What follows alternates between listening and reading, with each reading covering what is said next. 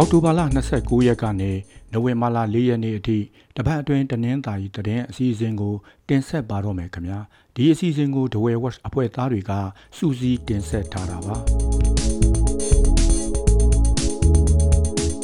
The Way အရှိတော်ဒေတာမှာမြေမြုံမိုင်း နေမိတာတွေဇက်တိုက်ဖြစ်နေလို့ဒေတာခံတွေတောင်ယာထဲမသွားရဲပဲဖြစ်နေကြပါတယ်အောက်တိုဘာလ25ရက်ကဖောင်းတော်ရွာနေအသက်80နှစ်ဝန်းကျင်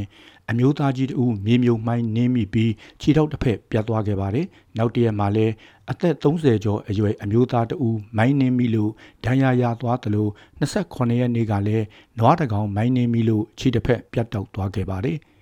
မိုင်းနေမိတဲ့နေရာတွေကရွာသူရွာသားတွေသွာလာတတ်တဲ့တောတောင်ဥယျင်ချမ်းနီးဝင်းကျင်နေရာတွေဖြစ်နေတယ်လို့ဆိုပါတယ်။အောက်တိုဘာလတတိယပတ်ကလည်းကော်တူးလီအာမီကရဲဘော်တူမြေမြုပ်မိုင်းနင်းမိလို့ဒဏ်ရာအပြင်းထန်ရသွားခဲ့ပါတယ်။အဲ့ဒီမြေမြုပ်မိုင်းတွေကိုဘယ်အဖွဲ့ကထောင်ထားတယ်ဆိုတာကိုတော့အတိမပြုနိုင်သေးပါဘူး။ တဝဲမြို့ရဲ့အရှိမြောက်ဘက်ကရေဝိုင်းရွာနဲ့အနီးဝန်းကျင်ရွာတွေဘက်ကိုသွားတဲ့လမ်းပိုင်းတွေကိုအော်တိုဘာလ30ရက်နေ့ကစပြီးစစ်ကောင်စီတပ်ကသွာလာခွင့်မပေးဘဲကတ်တက်လိုက်ပါတယ်။မောင်မေရှောင်းရေဝိုင်းနဲ့ဇဟာရေဝိုင်းရွာသွားတဲ့ကြေးရွာချင်းဆက်လမ်းတွေကိုစစ်ကောင်စီကပိတ်လိုက်တာပါရေးတဝဲလမ်းပိုင်းတနေရာမှာတဝဲအချင်းတောင်ဝန်ထမ်း2ဦးကို DGRF အဖွဲ့က တပ်ဖြတ်ခဲ့တဲ့အကြောင်းရုပ်တံမှတ်တမ်းထုတ်ပြန်ပြီးနိုင်ပိုင်းအကြာမှာပဲအဲ့ဒီလမ်းပိုင်းကိုပိတ်လိုက်တာပါအဲ့ဒီလမ်းပိုင်းပိတ်ထားတာကြောင့်ဒေသခံတွေစားနပ်ရိက္ခာနဲ့ကျန်းမာရေးကိစ္စတွေအတွေ့သွားလာလို့မရဘဲအခက်အခဲဖြစ်မှာကိုစိုးရိမ်နေကြပါတယ်။အောက်တိုဘာလ29ရက်နေ့ကလောင်းလုံးမျိုးနဲ့စမ်းလှမ်းရွာအကြားရှိလက်ခတ်တောင်စစ်ကောင်စီတပ်ယာယီစခန်းအတိုက်ခံရပြီးတဲ့နောက်စစ်ကောင်စီတပ်ကလောင်းလုံးမျိုးမှဘောလုံးကွင်းမှာတပ်ဆွဲလိုက်ပါတယ်။ အောက်တိုဘာလ30ရက်နေ့ကစပြီးအဲ့ဒီဘောလုံးကွင်းထဲကမိုးလုံလေလုံအားကစားရုံမှာတပ်ဆွဲလိုက်တာပါစစ်ကောင်စီတပ်ရဲ့ယာယီတပ်စခန်းကိုတိုက်ခိုက်ချိန်မှာစစ်ကောင်စီတပ်သား2ဦးသေဆုံးသွားတယ်လို့ပြည်သူ့ကာကွယ်ရေးပူးပေါင်းအဖွဲ့ကထုတ်ပြန်ပါတယ်။ PDF တအူးကတော့ခြေထောက်မှာဒဏ်ရာရခဲ့တယ်လို့ဒေသခံတွေကပြောပါတယ်အတိုက်ခံရတဲ့ ယာယီစခန်းကစစ်ကောင်စီတပ်သားတွေဟာဒေသခံတွေနဲ့ရေလုံသားတွေစီကနေငွေကြေးတောင်းလေးရှိတယ်လို့ဆိုပါတယ်အရင်ကစစ်ကောင်စီတပ်ဟာမြို့မဘလုံးကွင်းထဲမှာတပ်ဆွဲမှုတာမရှိပေမဲ့စစ်ကောင်စီလက်အောက်ခံပြူစောထီတွေကိုတင်နန်းပေးတဲ့နေရာတစ်ခုဖြစ်ပါတယ်လောင်းလုံးမြို့နယ်ပြင်စတီမော်ရွာကိုအ내ရောင်အရက်ဝတ်တွေနဲ့ဝင်လာတဲ့စစ်ကောင်စီတပ်သားတွေကဖုံးအုံပြုနေတဲ့အမျိုးသမီးငယ်တဦးနဲ့ဖခင်ဖြစ်သူကိုဖမ်းဆီးသွားပါတယ်။ နိုဝင်ဘာလ2ရက်နေ့ကအဲ့ဒီရွာကိုဝင်လာတဲ့စစ်ကောင်စီတပ်စစ်ကြောင်းက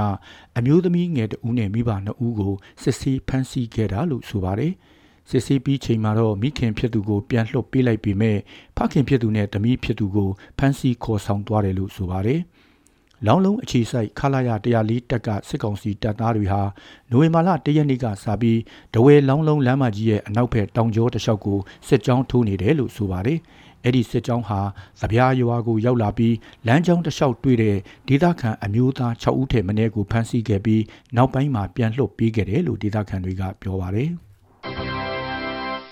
ပလောမျိုးနယ်မှာဖြစ်ပွားခဲ့တဲ့တိုက်ပွဲမှာကရင်အမျိုးသားကာကွယ်ရေးတပ်မတော် KNDO ကရဲဘော်နှုတ်ကြာဆုံးသွားပါတယ်။ အောက်တိုဘာလ26ရက်နေ့ကဖြစ်ခဲ့တဲ့တိုက်ပွဲမှာအသက်20အရွယ်ရဲဘော်တီယာဆိုးနဲ့အသက်24နှစ်အရွယ်ရဲဘော်ညီညီဆိုးတို့ကြာဆုံးခဲ့တာလို့ဆိုပါတယ်။သူတို့ကိုအောက်တိုဘာလ28ရက်နေ့မှာမြေမြုပ်တင်းကြိုခဲ့တယ်လို့ဆိုပါတယ်။ပူရိရက်ခညီနောင်စစ်ကြောင်းကတော့တိုက်ပွဲအခြေအနေတွေနဲ့ပတ်သက်ပြီးအသေးစိတ်ထုတ်ပြန်ထားတာမရှိသေးပါဘူး။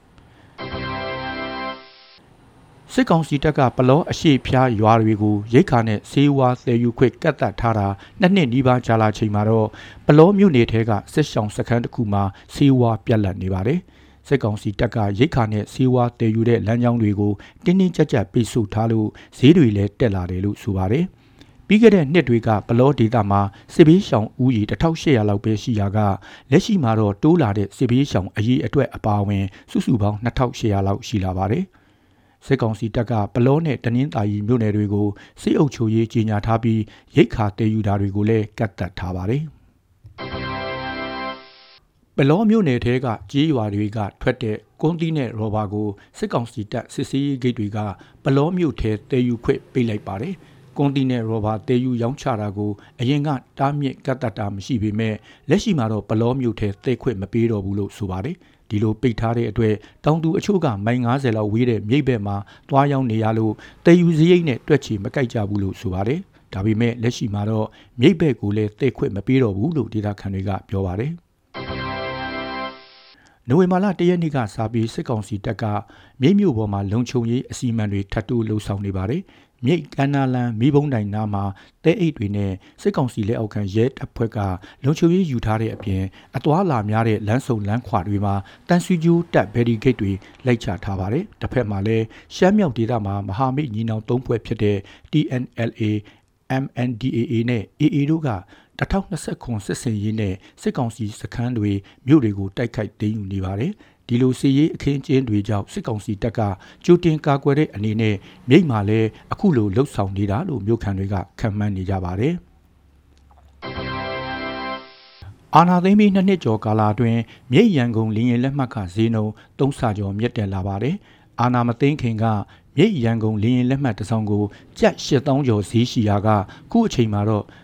ကျပ်2သိန်း6000ဖြစ်လာတာပါယခုရက်ပိုင်းထဲမှာတောင်လင်းရင်လက်မှတ်ဈေးနှုန်းထက်မြက်လာပါတယ်အာနာသိန်းကာလမှာငွေကြေးဖုံးပွားတာတွေအပြင်တိုက်ပွဲတွေကြောင့်ကားလမ်းမလုံခြုံလို့လင်းရင်စည်းသူများလာတာကလည်းလက်မှတ်ဈေးတက်စေတဲ့အကြောင်းရင်းတစ်ခုဖြစ်ပါတယ်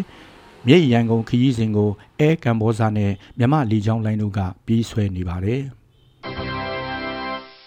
တနင်္သာရီအခြေစိုက်စစ်ကောင်စီတပ်သား2ဦးဟာနိုဝင်ဘာလ1ရက်နေ့ကပြည်သူ့ကာကွယ်ရေးအဖွဲ့အစည်းခိုလုံလာပါတယ်။တနင်္သာရီမြို့နယ်ညောင်မင်းကွင်းရွာအခြေစိုက်916တပ်ရင်းကတပ်သားထွန်းလင်းပိုင်နဲ့တပ်သားထက်မြတ်သူတို့ထွက်ပြေးလာတာလို့တနင်္သာရီတိုင်းပြည်သူ့ကာကွယ်ရေးအဖွဲ့ကထုတ်ပြန်ပါတယ်။ သူတို့နှစ်ဦးဟာအော်တိုဘာလ30ရက်နေ့ကတပ်ထဲကထွက်ပြေးလာကြတာဖြစ်ပြီးတနင်္သာရီမြို့နယ်ပြည်သူ့ကာကွယ်ရေးတပ်နဲ့မြိတ်ခရိုင်ပြည်သူ့ကာကွယ်ရေးတပ်မတော်တိုင်ရင်နှစ်တက်ခွဲတစ်စီမှာခိုလုံလာတာလို့ဆိုပါတယ်တပ်တွင်းဖိနှိပ်မှုကြောင့်ပြည်သူတွေပေါ်ဖိနှိပ်တပ်ဖြတ်မှုတွေကြောင့်ထွက်ပြေးလာတာလို့ CDM တပ်သားတွေကဆိုပါတယ်အာနာသိမ်းပြီးတဲ့နောက်ပိုင်း CDM လှုပ်လာတဲ့တနင်္သာရီတိုင်းအခြေစိုက်ရဲတပ်ဖွဲ့ဝင်နဲ့စစ်ကောင်စီတပ်ဖွဲ့ဝင်200ကျော်ရှိပြီလို့ထုတ်ပြန်ချက်ကဆိုပါတယ်။ မလေးရှားကိုပို့မဲ့ကြက်ဘီလီယံ100ကျော်တန်ဖိုးရှိတဲ့ ice မူရဲ့ဆေးတွေကော့တောင်းရေပြင်ကလေတစည်းပေါ်မှာဖမ်းမိပါတယ်။ကော့တောင်းမြို့ကနေမိုင်ပေါင်း150ကျော်အကွာပင်လယ်ပြင်မှာအော်တိုဘာလ30ရက်နေ့ကစစ်ကောင်စီရေတပ်ကဖမ်းမိခဲ့တာပါ။မလေးရှားနိုင်ငံဘက်ကိုမောင်းနှင်နေတဲ့အဲ့ဒီလှေပေါ်မှာလှေသား9ဦးနဲ့အတူ ice မူရဲ့ဆေးကီလို2000ကျော်ပါတယ်လို့ဆိုပါတယ်။ မလေးရှားနိုင်ငံရှိမူရိတ်ခိုင်းနဲ့ချိတ်ဆက်ပြီးရေလန်းချောင်းကတစ်စစ်တင်ပို့နေတာလို့အဖမ်းခံရသူတူကဝန်ခံထားပါတယ်။လေပေါ်ပါသူတွေကိုမူရိတ်စေဝါတိုက်ဖြတ်ရေးဥပဒေနဲ့အရေးယူထားတယ်လို့ဆိုပါတယ်။